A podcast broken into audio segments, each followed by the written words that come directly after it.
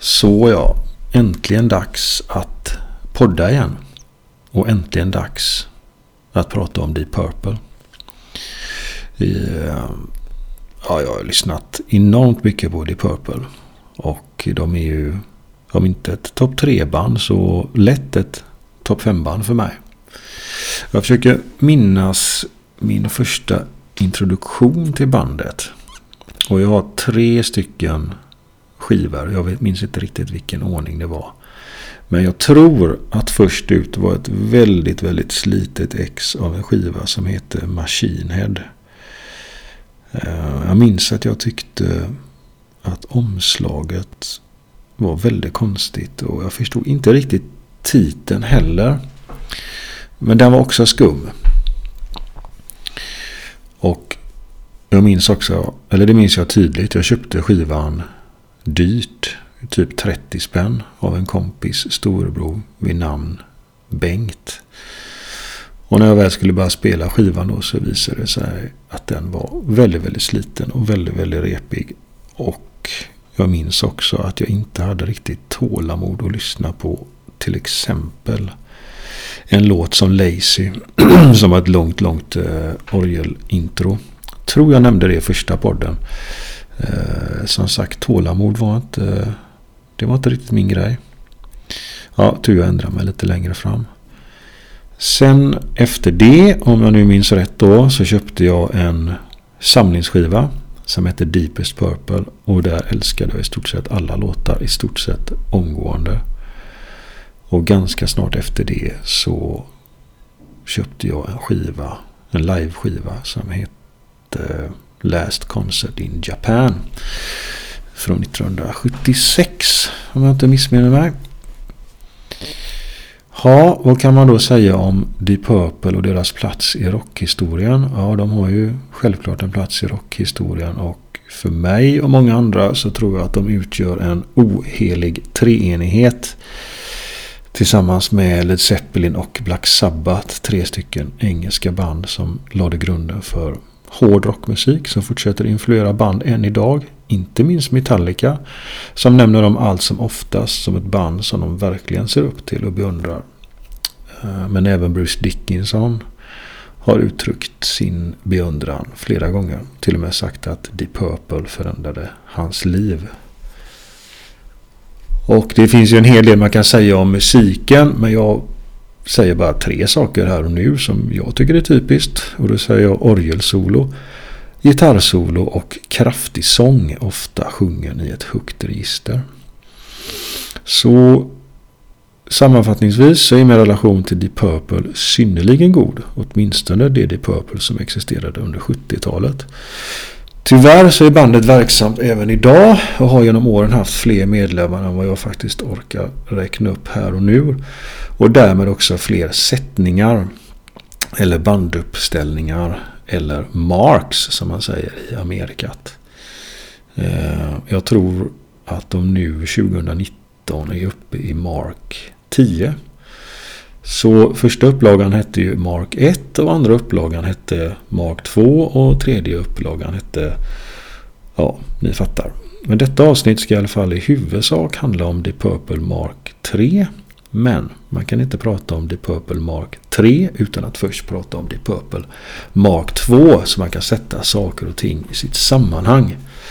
Deep Purple Mark 1 ska jag säga är eh, ganska intressant, lite spretigt. De gör många covers. Eh, jag har aldrig riktigt fastnat eh, för det första Deep Purple så att säga. Så det lämnar vi därhän den här gången. Men innan jag i korta ordalag pratar om Mark 2 så kanske, eller måste det framhävas att det varit lite för mycket fokus på just Mark 2 på grund av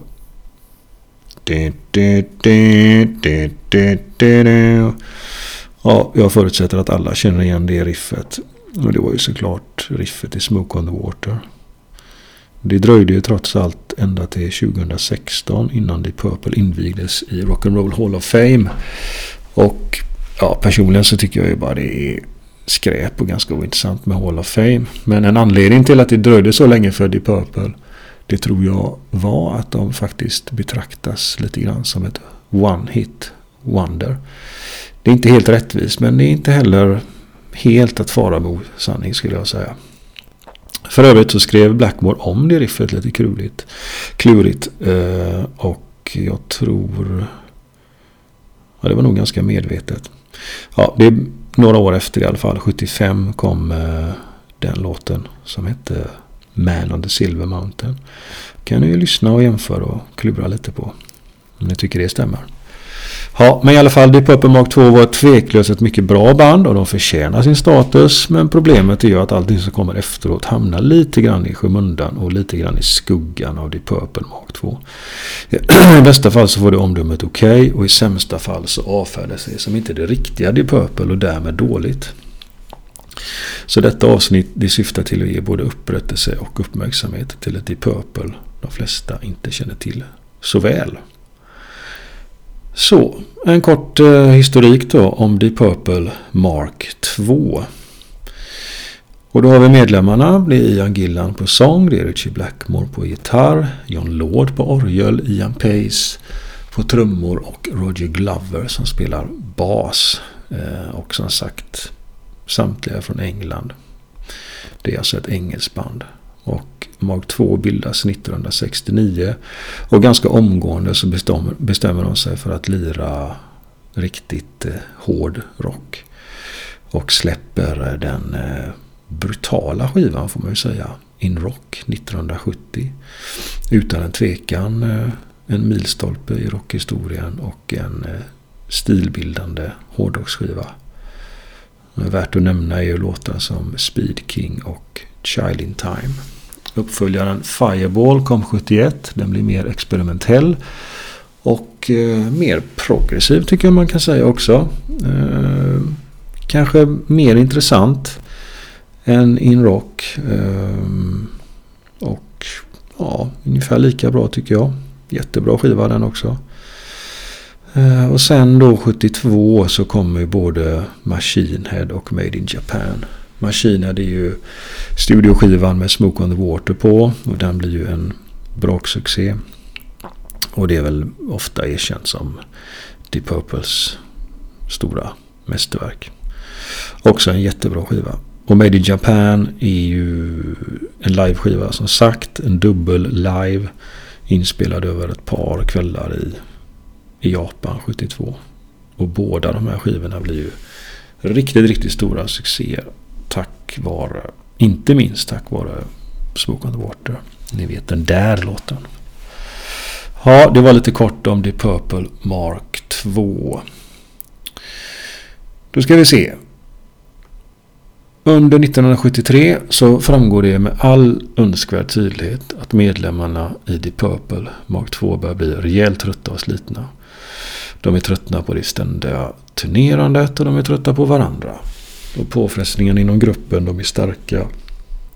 Och tydligast är spänningarna mellan sångaren Ian Gillan och gitarristen Richie Blackmore. Skivan de släpper i början av året är mer eller mindre framtvingad av skivbolag och management. Och musiken speglar väl bandet vid denna tid. Skivan heter Who Do We Think We Are och den lanseras i affärerna i januari 73. Och den är förvisso inte ett komplett misslyckande men är definitivt inget mästerverk heller. En typisk mellanplatta som låter så som medlemmarna i bandet känner sig. Den saknar fokus, engagemang och inspiration. Och att den kommer efter mästerverken Made in Japan och Maskiner gynnar den knappast heller. Kanske lite grann som filmen Gudfader 3. Det var många som gick och såg den men det är få som minns den. Men trots detta så säljer den bra. Den når så högt som plats nummer 4 i hemlandet England och plats nummer 15 i USA. Och singeln Woman from Tokyo blir en hit. Jag har ju sagt att eh, de två skivorna innan, Who Do You Think We Are, Machiner och Made in Japan, gjorde Purple enormt populära. Framförallt eftersom Smoke on the Water sakta men säkert hade börjat bli en ordentlig hit. Men faktum är att 73 så är Deep Purple det bäst säljande bandet i USA. Och det, mina vänner, är synnerligen anmärkningsvärt. För lyssna på konkurrensen som de hade. Vi snackar ju om Alice Cooper, Led Zeppelin, The The Rolling Stones, The Who och The Allman Brothers Band. Och det är bara några band som 73 var sanslöst populära i dåtidens USA. Så trots slitningar inom gruppen, stundande medlemsbyten och en halvdan skiva så befinner sig Deep Purple minst sagt i en guldsits. Och precis där så lämnar sångaren Ian Gillan och basisten Roger Glover bandet. Gillan skriver ett brev, ungefär som en skriftlig uppsägelse. Han är trött och sliten som alla andra. han är trött på konflikter men han är också missnöjd med att gruppen, tycker han, rent musikaliskt faktiskt har börjat att stagnera. Men faktum är att det kanske redan 1972 hade börjat knaka i fogarna. För då hade nämligen Richie Blackmore fått för sig att bilda en trio tillsammans med Ian Pace på trummor samt Phil på bas. Men detta rann ju dock ut i sanden eftersom Purple vid tillfället höll på att verkligen slå igenom. Men framförallt enligt Ian Pace därför att Phil Lynott inte var tillräckligt bra på bas. Han var en eh, skön, karismatisk eh, snubbe med skön röst. De eh, beundrade verkligen hans sång. Men han höll inte riktigt måttet musikaliskt. Men det skulle han ju faktiskt göra senare. För tack och lov så fortsatte ju Phil Lynott med musik och satsade istället helhjärtat på Thin Lizzy. Så på så sätt så fick vi njuta av även deras musik. Men det är en annan historia. Jag tror också det är bara ren spekulation från min sida. Men jag tror det var en markering från Blackmore att ja, ja, okej okay, ni andra i Deep Purple. Det börjar gå bra nu och är bra men tro inte att inte jag kan sticka precis när jag vill. Om, ni inte, om saker och ting inte passar mig eller saker och ting inte blir som jag vill. Ja, ungefär något sånt. Men varför får då Roger Glover sparken? Ja, det är något som Roger Glover verkar som han klurar på det än idag. Så i intervjuer så berättar han att han själv inte har någon aning. Men eh, kanske blev han ett offer för Richie Blackmores ökända lynnighet. Och kanske visade han för stor lojalitet gentemot Ian Gillan. Eller kanske var han för anonym som både basist och scenpersonlighet. Jag tycker det är rimligt att anta detta faktiskt. För hittills har jag inte hört någon säga att det var någon större förlust att ge Roger Glover sparken eller att Roger Glover inte längre är med i Purple. Däremot så är det jäkligt många som genom årens lopp noga framhäver att utan Ian Gillan så är det minsann inte det riktiga Deep Purple. Och detta är förståeligt. För Ian Gillan såg bra ut och han sjöng ännu bättre. Men jämför man de bådas insatser under det tidiga 70-talet så överglänser ju Ian Gillans prestationer vida Roger Glovers. Detta är ett odiskutabelt faktum. Och Glover står i The Purple ut på ett icke fördelaktigt sätt. Han, han är den som är mest anonym, både rent personlighetsmässigt och även som eh, instrumentalist. Och särskilt om man jämför honom med samtida basister eh, uh, Gise Butler från Black Sabbath eller John Entwistle från The Who eller John Paul Jones från Led Zeppelin. Och sjunga det kunde han ju inte heller.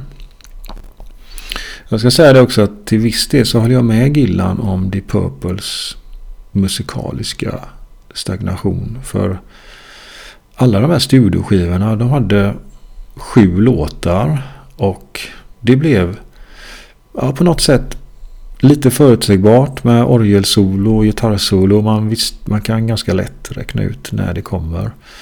Och det fanns också kanske en liten eh, ja, jätteduktiga instrumentalister. Speciellt Blackmore och Lord. Men lite tråkig, lite stolpig virtuositet kanske.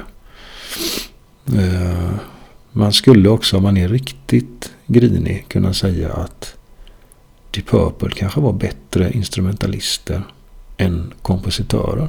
I alla fall Deep Purple Mark 2. Ja, ja. Då ska vi se.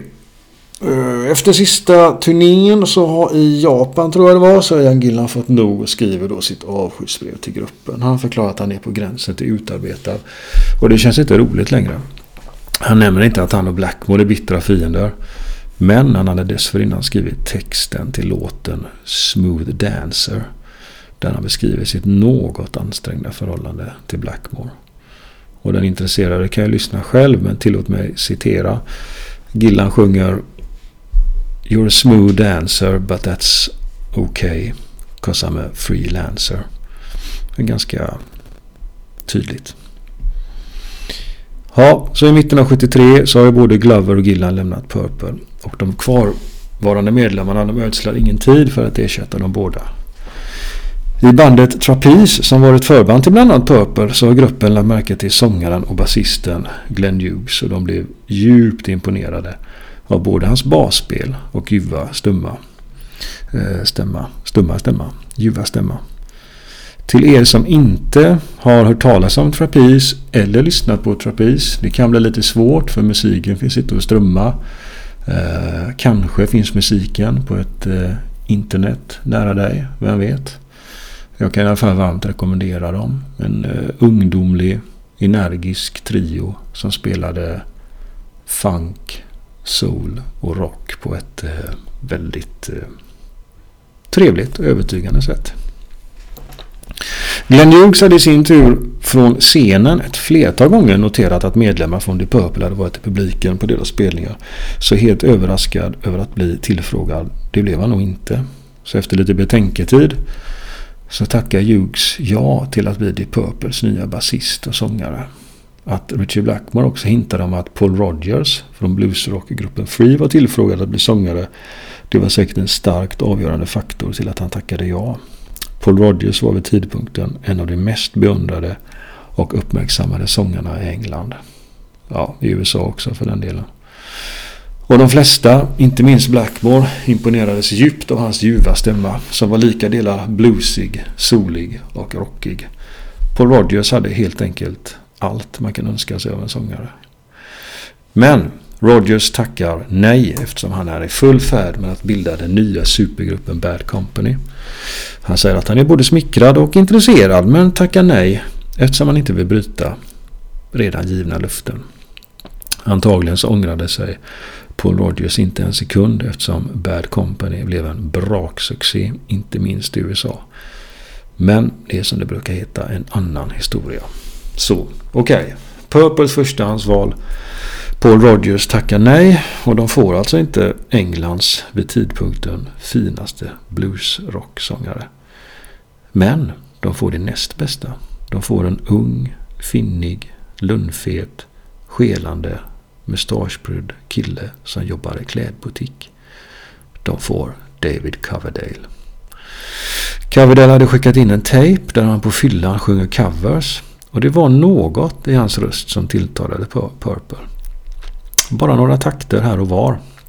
Och speciellt när han sjöng ett lägre, bluesigare register. Så bandet bjöd in honom till provspelning. Och Coverdale sjöng sig igenom den med en flaska whisky. Och Beatles-låtar eh, och en mycket uppmuntrande John Lord. Och vips, så var jobbet hans. Och John Lord då som under provspelningen hade varit eh, väldigt stödjande gjorde dock klart för deras nya sångare att i Purple så finns det bara utrymme för en mustasch och det var hans. Så Cavadel fick snällt raka av sig den och genomgick sedan en rejäl styling. Han sattes på diet och bantningspiller, det vill säga amfetamin, och fick sina ögon korrigerade och en ny uppsättning kläder. En, to en total, en total makeover. En total total makeover helt enkelt. Så, Deep Purple har alltså nu gått från Mark 2 till att bli Mark 3 och medlemmarna är nu David Coverdale på sång, Glenn Hughes på sång och bas. Richie Blackmore på gitarr. John Lord på orgel och Ian Pace på trummor. Och inte nog med det. Purple har ju fått ett mervärde. För nu har ju bandet två ytterst kompetenta sångare istället för en. Och dessutom är den ena en riktigt bra basist. Så bandet sätter nu i stort sett direkt igång med inspelningar av vad som skulle bli skivan Burn. Och den spelas in i Montreux i slutet av 1973. Inspelningen gick snabbt och relativt smärtfritt. Men Blackmore var inte så nöjd med en del texter som Coverdale skrivit. Bland annat så fick han skriva om texten till låten Burn ett antal gånger innan Blackmore blev helt nöjd. Och Burn uppvisar ett nytt band med nya influenser. Den stora förändringen var förstås att ha två sångare som båda sjöng lead vocals.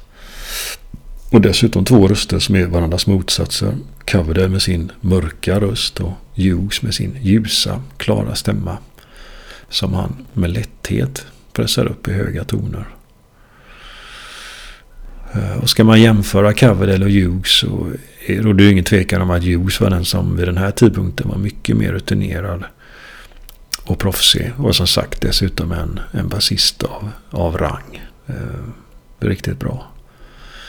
Det är också viktigt att komma ihåg att de här två herrars influenser vid tillfället var Stevie Wonder, Donny Hathaway och Sly and the Family Stone. Eh, eller Sly Stone om man så vill. Eh, alltså främst svarta solsångare. För varken Coverdale eller Hughes hade någon lust eller ambition att låta som en typisk hård rocksångare. Som till exempel Ian Gillan. Så lite förenklat kan man säga att Coverdale blivit en bluessångare i ett hårt rockband. Och Glenn Hughes hade blivit en solsångare i ett hårt rockband. Och utan divalater så börjar de direkt dela upp eh, sången sinsemellan. Och det låter ju inget annat än fantastiskt.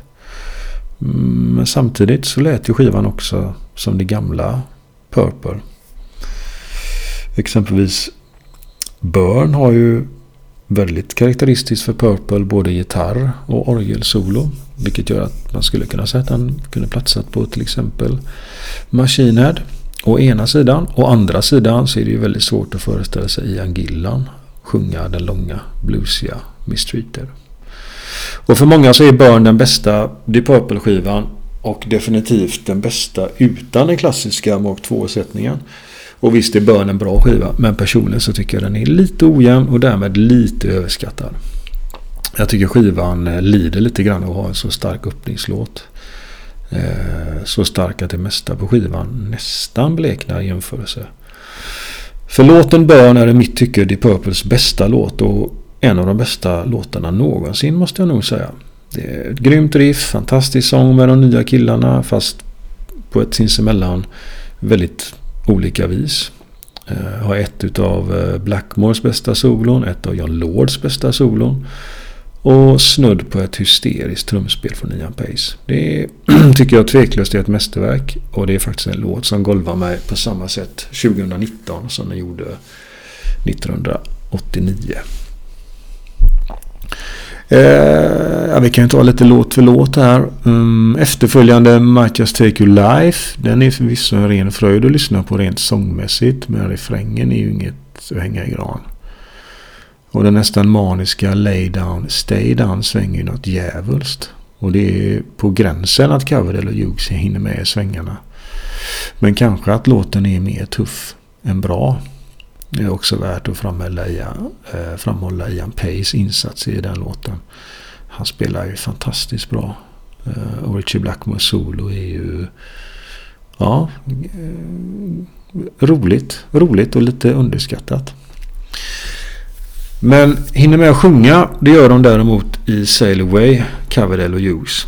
Det är en riffbaserad släpig historia som lyckas att låta både rockig, solig och funkig. Hughes och Coverdale byter verser och sjunger harmonier som de aldrig gjort något annat. Och detta är ju sångarmumma för den kräsne. Och att John Lord har lekstuga med sin synthesizer mot slutet gör den ju bara ännu bättre. Så detta borde vara en av de viktigaste och bästa låtarna med Purple. Men kanske också den mest underskattade. För just Sail Away skulle visa sig vara den låt på Burn som bäst skvällar om vilken musikalisk inriktning bandet skulle ta längre fram. UFO No One öppnar B-sidan. Lägg märke till att jag pratar eh, om eh, eh, skivan ur ett LP-perspektiv. Och det är en bra och intressant låt. Lite Led Zeppelin-influerad skulle jag säga. Och det är ytterligare ett jättefint exempel på utmärkt stämsång från Coverdale och Hughes. Däremot kan man ju undvika den meningslösa What's going on here? En eh, riktig standard pubrockare som luktar utfyllnad lång väg. Vänligen undvik säger jag. Och sen kommer ju en riktig klassiker med Deep Purple Mark 3. Mistreated. Eh, men om nu Sail Away är den mest underskattade låten med Deep Purple Mark 3 så tycker jag att Mistreated är den mest överskattade. Det är den enda låten på Burn som Cavalier sjunger helt solo och det är förståeligt att han vill ta i från tårna och visa sig duktig. Men han missar ju målet fullständigt. Han låter ju som en arg, kåt astmatiker med munnen full av jordnötssmör. Han borde låta ledsen men med värdigheten i behåll eller något sånt i alla fall. Så Cavaliers insats får i alla fall på den här låten och från mig underkänt främst på grund av okänslighet och brist på lyhördhet. Med andra ord, Coverdale is mistreating mistreated. Förvisso tar sig låten mot slutet men det är så dags då. Men lyssnar ni riktigt noga strax innan den tar slut så kan ni höra hur Coverdale drar upp gylfen. Men misströsta, misströsta ej kära lyssnare för det finns substitut. Lyssna istället på förlagan till Mistreated, låten Heartbreaker med gruppen Free med en viss Paul Rogers på sång för övrigt.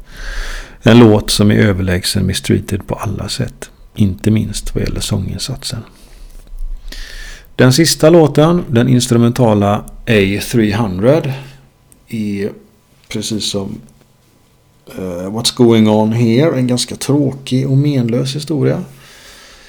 Eh, att de istället inte placerade B-sidan till den första singeln som var Might Just Take Your Life. Den B-sidan heter Coronorias Reddig. Också den instrumental för övrigt. Det är en gåta för det är en helt formidabel låt med Richie Blackmore i absolut hög form. Och det hade definitivt gjort Burn till en ännu bättre skiva. Och dessutom så är den låten i alla fall i mina öron ganska så funkig. Turnerandet med den nya sättningen Eh, fortsätter och den utgörs ju till stora delar av det nya materialet. Eh, jag tror fyra eller kanske till och med fem låtar från nya skivan talar ju sitt tydliga språk. Bandet har självförtroende och har något att bevisa. Nämligen att Purple klarat medlemsbytena med bravur. Premiären sker i, eh, i slutet av 1973 och efter en lyckad turné i Europa och hemlandet England så är det dags för USA-turné. Och även den blir mycket lyckad och kulminerar med att bandet headlinar en festival, California Jam, inför hundratusentals personer. Spelningen på California Jam filmas och släpps senare på VHS. Eh, och jag kan varmt rekommendera den för er som inte har sett den. Det kanske blir svårt att se på den på VHS. Men kanske finns den på tuben som ungdomarna av idag brukar säga. Det är i alla fall en riktigt, riktigt bra spelning. Precis lika bra som Deep Purple Mark 2. Så efter ett intensivt turnerande så är det dags att under hösten 74 spela in uppföljaren till Burn.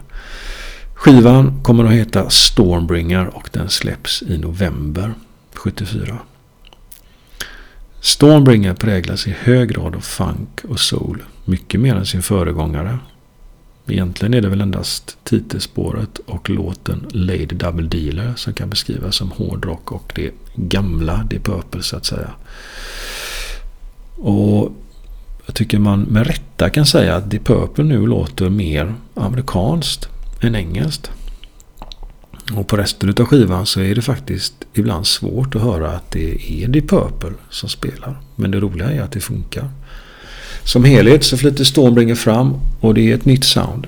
I synnerhet i låtar som eh, Love Don't Mean A Thing, You Can't Do It Right With The One You Love och Hold On. Det svänger något hejdlöst och det är ungefär 2000 ljusår bort från ni vet den låten. Cavalier Hughes är i hög form och de nya grabbarna har verkligen börjat ta för sig musikaliskt. I synnerhet Coverdale som utvecklats enormt som sångare på bara ett år. Grötigheten är i stort sett bortblåst och självförtroendet är ännu större. Han är coolare och han är mer avslappnad. Ska exempelvis lyssna på Love Don't Mean A Thing där han uppvisar både humor och rätt känsla. Så överlag så sköter sig Coverdale alldeles utmärkt. Och inte minst när han sjunger solo i den fina Soldier of Fortune. Han är fortfarande en astmatiker men jordnötssmöret är till allra största delarna nedsvalt. En kompis till eh, Glenn Hughes vid namn David Bowie uttrycker sin beundran inför både Glenns sång och låten Hold On. Och det gör ju för övrigt Stevie Wonder också. En av Glenn Hughes största och tydligaste sångarförebilder måste man väl säga. Ja, Cavalier Hughes de älskar skivan. Lord of Pace tycker den är okej. Okay. Blackmore hatar den och kallar musiken för Shoeshine Music. Under inspelningen så har han varit mer passiv än tidigare och snudd på ointresserad. Och droppen som fick bägaren att rinna över det var övriga medlemmars ovilja att göra en cover. En cover på en låt som hette Black Sheep of the Family med ett band som heter Quartermass. Mm, eller något sånt, jag tror det uttalas ungefär så. En låt som Blackmore verkligen älskade. Så eh, kombinationen av en musikalisk inriktning som han ej uppskattar, milt uttryckt, och en vägran att spela in nyss nämnda cover gör att Blackmore nu på allvar överväger att lämna gruppen. Men först så spelar han in Black Sheep of the Family fast med ett band som var ett förband till Elf. Eller till Purple, nämligen Elf. Med en viss Ronnie James Dio på sång. Och resultatet blir så lyckat att de snabbt spelar in en låt till som visar sig bli ännu bättre. Och nu bestämmer sig Blackmore för att lämna Deep Purple. Men först så har han en turné att fullfölja. Stormbringer släpps i slutet av 74. Den säljer mindre än Burn. Den blir ingen braksuccé utan den säljer bra. Och bandet fortsätter att turnera. Och under våren 75 så spelar de i Europa. Och de flesta av dessa konserter spelas in. Och det finns live-material att lyssna på bland annat från Frankrike, Österrike och Tyskland tror jag. Spelningarna vittnar om ett band som är i hög form och som varje kväll ger järnet. Inte minst Blackmore som gör bättre ifrån sig ju närmare slutet av turnén som de kommer. Så återigen så visar Deep Purple Mark 3 att som liveband och det här är viktigt när de spelar Mark 3 material så gör de lika bra ifrån sig live som Deep Purple Mark 2. Och Blackmore gör vad som visar sig vara sin sista spelning med Deep Purple Mark 3 i april 1975. Att förlora Glover och Gillan, det var ju tufft nog. Men den förändringen gick ju trots allt överraskande bra. Men hur ersätter man Richie Blackmore? En medlem som varit med från allra första början och dessutom briljant. Såväl som låtskrivare och gitarrist. Inte var väl Deep Purple så korkade att de försökte göra det.